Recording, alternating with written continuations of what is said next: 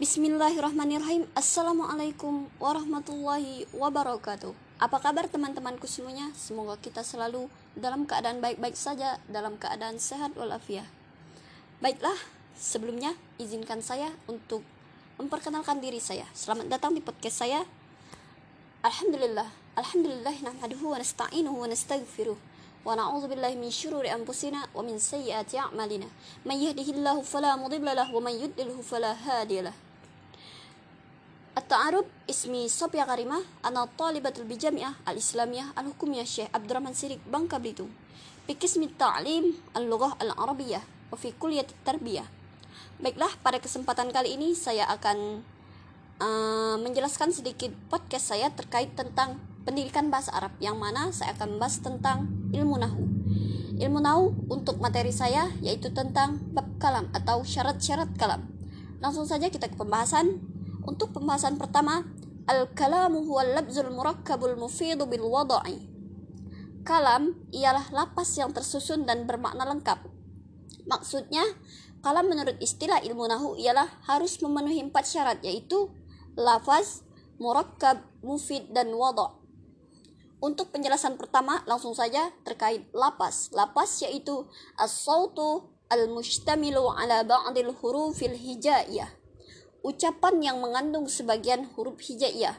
Contoh misalkan, kitabun, kitab. Nah, pada contoh tersebut sudah terdapat huruf hijaiyah yang mana terdiri dari tiga huruf hijaiyah, yaitu kaf, ta, ba. Nah, jika ada orang yang menanyakan suara ayam itu apakah itu termasuk ke dalam lapas? Suara petir, suara mesin, apakah ia masuk ke dalam suara masuk ke dalam lapas? Tidak, karena dia tidak mengandung huruf hijaiyah. Nah, yang mengandung huruf hijaiyah itu seperti contoh yang sudah saya jelaskan tadi. Jadi, suara ayam, suara beduk, suara kaleng itu tidak termasuk ke dalam lafaz karena dia tidak mengandung sebagian huruf hijaiyah. Untuk penjelasan yang kedua itu murakkab murakkab itu artinya tersusun atau untuk penjelasannya yaitu ma tarakkaba min kalimataini fa aksara.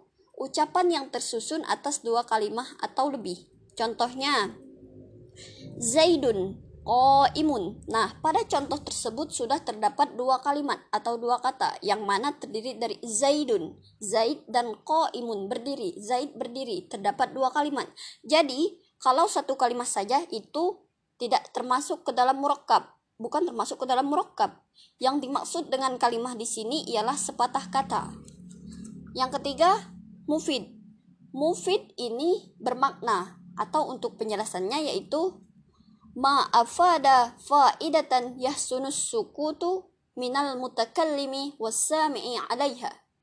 Ungkapan berfaedah yang dapat memberikan pemahaman sehingga pendengarnya merasa puas. Contoh, Zaidun imun Zaid berdiri atau imun imun saja berdiri saja sebagai jawaban dari pertanyaan kaifa halu Zaidun? Bagaimanakah keadaan Zaid pada waktu itu? Uh, kaifa halu Zaidun? Bagaimana keadaan Zaid? Jadi Zaidun imun Zaid berdiri. Keadaan Zaid pada waktu itu yaitu sedang berdiri. Sedangkan untuk contoh yang kedua maridun. Maridun sebagai jawaban dari pertanyaan kaifa Zaidun? Bagaimana Zaid? Zaid maridun, sakit. Jadi, uh, perkataan yang janggal didengar karena karena tidak dapat dipahami maksudnya, dia tidak termasuk ke dalam mufid. Misalnya, uh, inko ma Zaidun, apabila Zaid berdiri. Inja abi, apabila ayahku datang. Tanpa dilengkapi kalimat lainnya, dia tidak termasuk ke dalam mufid. Kalau mau yang itu, uh, dia itu harus ada tambahan. Kalau perkataan itu ingin sempurna, harus ada tambahannya. Jadi dari kata ingkoma zaidun harus ada tambahan atau keterangannya. Misal misalnya ingkoma zaidun kumtu. Apabila Zaid berdiri, aku pun berdiri. Nah, kumtu itu sebagai pelengkap atau tambahannya. Itu baru mupid. Kalau tidak ada pelengkap atau uh, tidak ada tambahan, dia tidak termasuk ke dalam mupid. Untuk contoh yang kedua, inja abi harus ada pelengkapnya atau harus uh, harus ada tambahan. Jadi untuk tambahannya inja abi fa ukrimhu.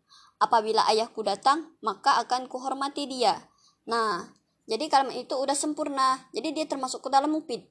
Untuk yang penjelasan yang keempat itu ada wada. Wada yaitu ja'lul labzi dalilan ala ma'nan. Menjadikan lapas agar menunjukkan suatu makna atau pengertian. Dan pembicaraan disengaja serta dengan menggunakan bahasa Arab.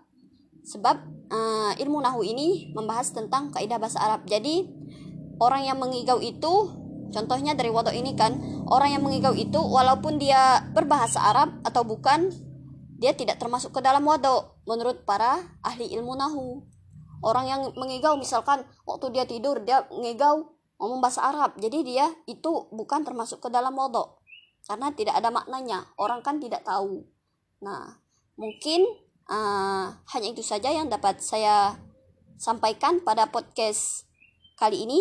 Uh, syukran kathir ala ihtimamikum jami'an wabillahi taufiq wal hidayah waridha wal inayah wassalamualaikum warahmatullahi wabarakatuh nah jadi kalimat itu udah sempurna jadi dia termasuk ke dalam mufid untuk yang penjelasan yang keempat itu ada wada wada yaitu ja'alul labzi dalilan ala ma'nan. Menjadikan